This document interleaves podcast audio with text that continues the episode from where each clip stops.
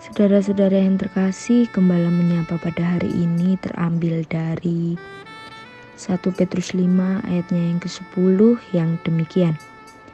Dan Allah sumber segala anugerah yang telah memanggil kamu dalam Kristus kepada kemuliaan yang kekal akan melengkapi, meneguhkan, menguatkan, dan mengokohkan kamu sesudah kamu menderita seketika lamanya.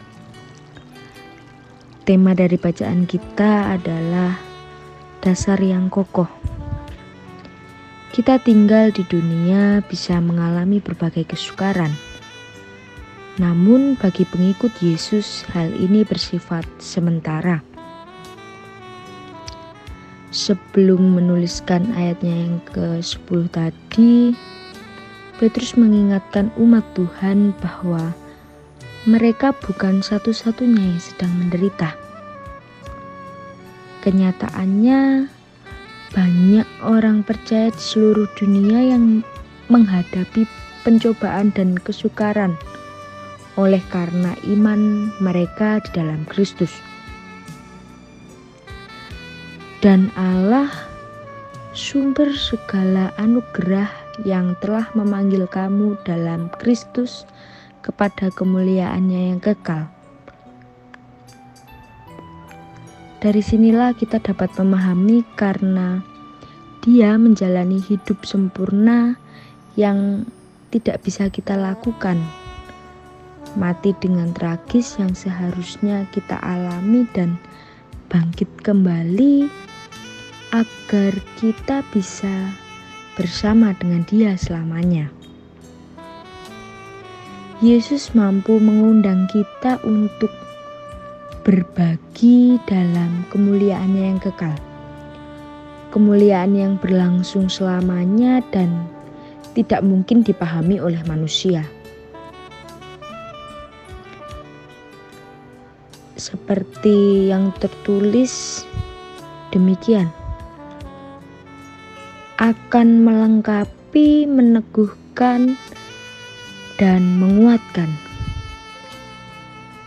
Kata-kata tersebut bagi mereka yang ada di dalam Kristus, patah hati itu sifatnya sementara.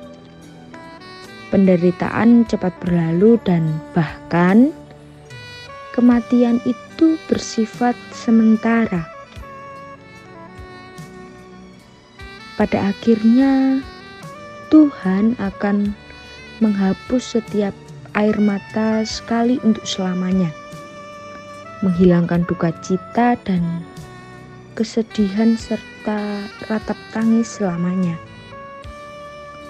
Tuhan akan menjadikan segala sesuatunya menjadi baru, seperti yang terdapat di dalam Wahyu 21 ayat yang keempat sampai dengan yang kelima. Lalu ada juga tertulis demikian dan mengokohkan kamu sesudah kamu menderita seketika lamanya. Dari sini kita dapat belajar bahwa dasar yang kokoh didirikan sebelum permulaan waktu. Jadi, apa pun yang sedang kita alami saat ini, betapapun sukar, mengerikan, atau benar-benar memilukan, kita dapat berpaut pada kenyataan masa depan ini.